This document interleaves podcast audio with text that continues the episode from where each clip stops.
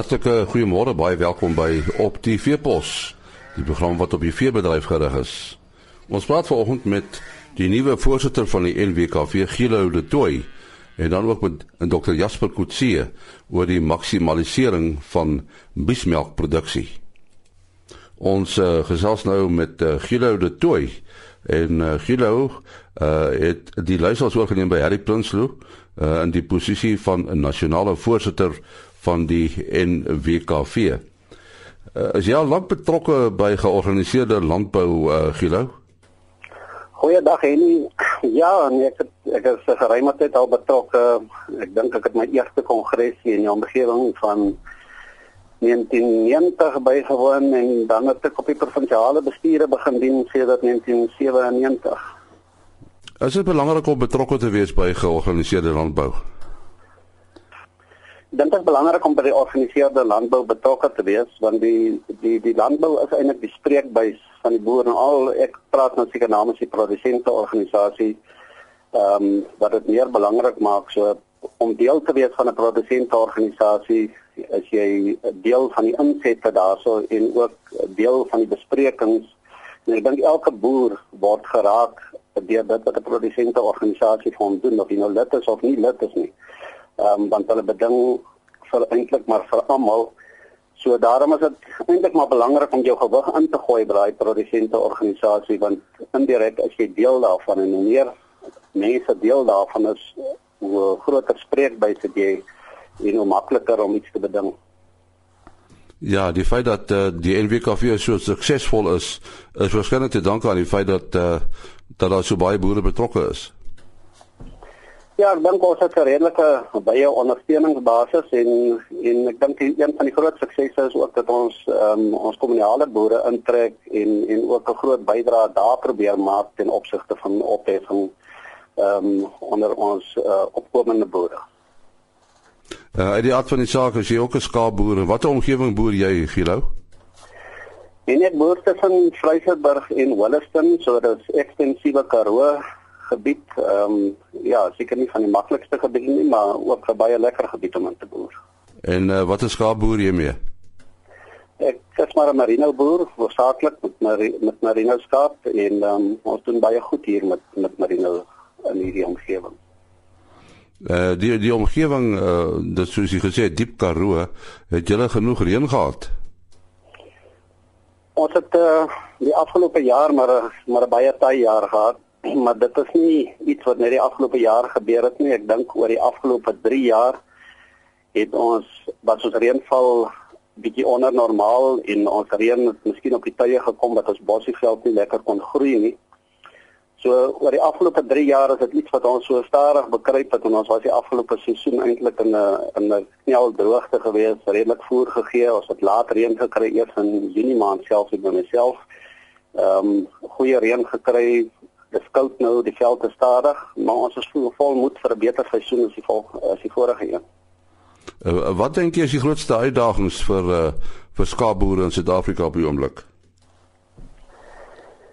Ja, ons het 'n paar uitdagings op hierdie stadium en ek dink ehm um, as jy praat van skaapboere in Suid-Afrika is dit so 'n wye begrip eintlik want jy praat van jou ekstensiewe en jy praat van jou intensiewe ehm um, gebiede aan een kant is dit droogtes, ehm um, aan die ander kant is dit weer wisselvallige reënval met aangeplante weidings en en al die goed. Ehm um, wat positief is op hierdie stadium, die vleispryse is goed, ehm um, die wolpryse is uitstekend op hierdie stadium.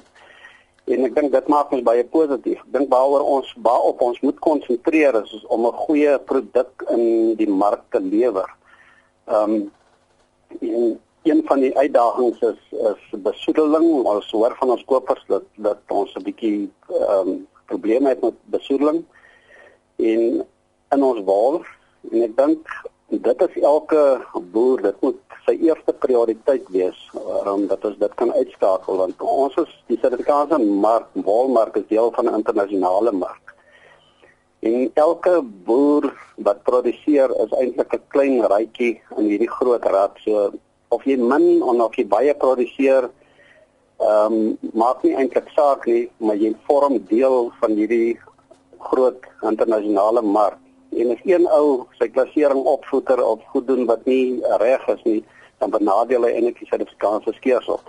So ek dink dit gaan oor 'n trots op die produk en dis iets wat ons moet nastreef en iets wat ons baie aandag aan moet gee en en ook maar by die kopers luister, wat is die probleme by ons makelaars ek dink almal is redelik goed ingelig en almal werk op hierdie stadium as 'n span saam in die industrie om om dit te bestry.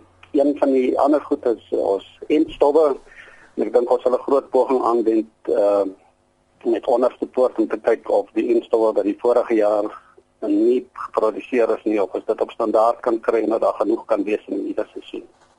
En wat gaan hulle maak met die haarworm probleem? Ja, die haarworm probleem meer in jou in jou hoë reënvalgebiede.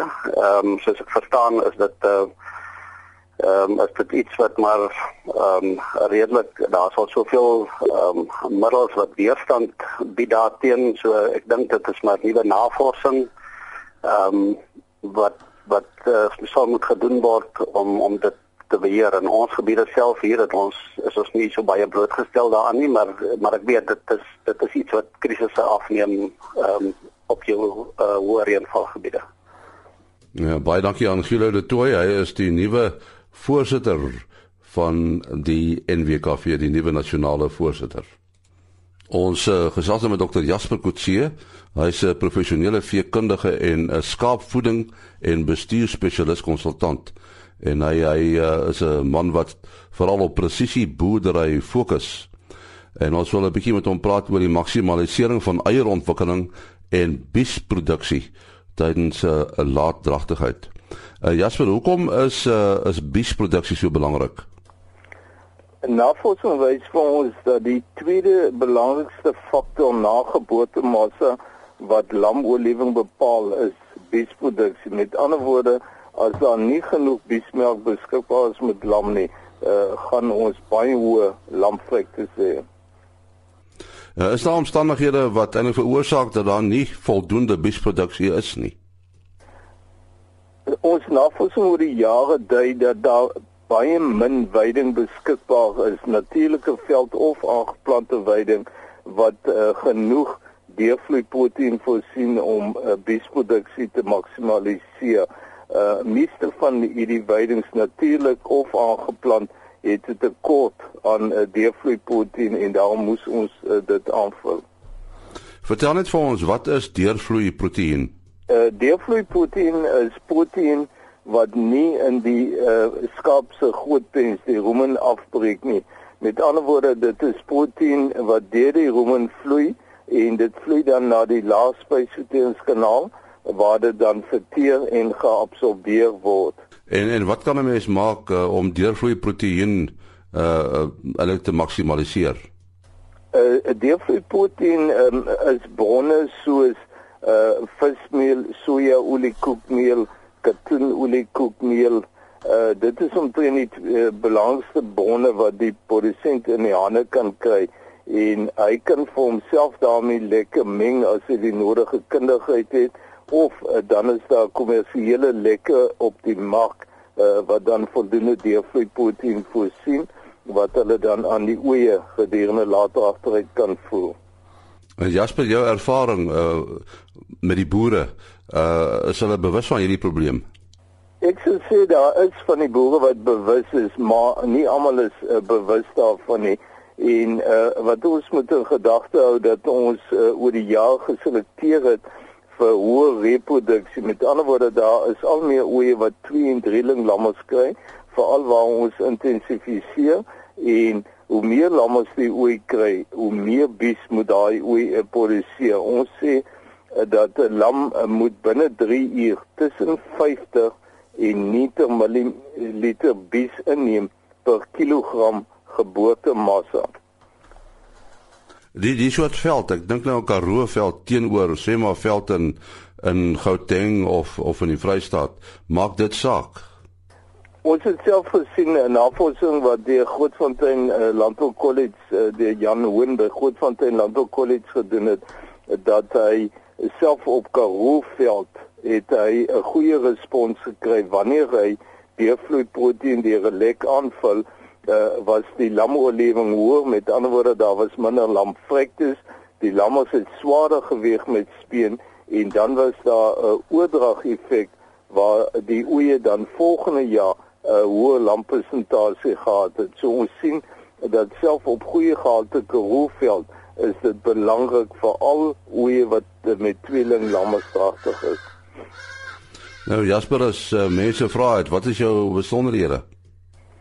Ehm um, my uh, kontaknommer is 076 846 8800 en my e-posadres is jasper.co@iafrica.com. Ons sê baie dankie aan Dr. Jasper Kutse en net weer daai selnommer 076 846 8800. Tot môre oggend om 4 voor 5. Alles van die beste. Tot dan, mooi loop. Ah.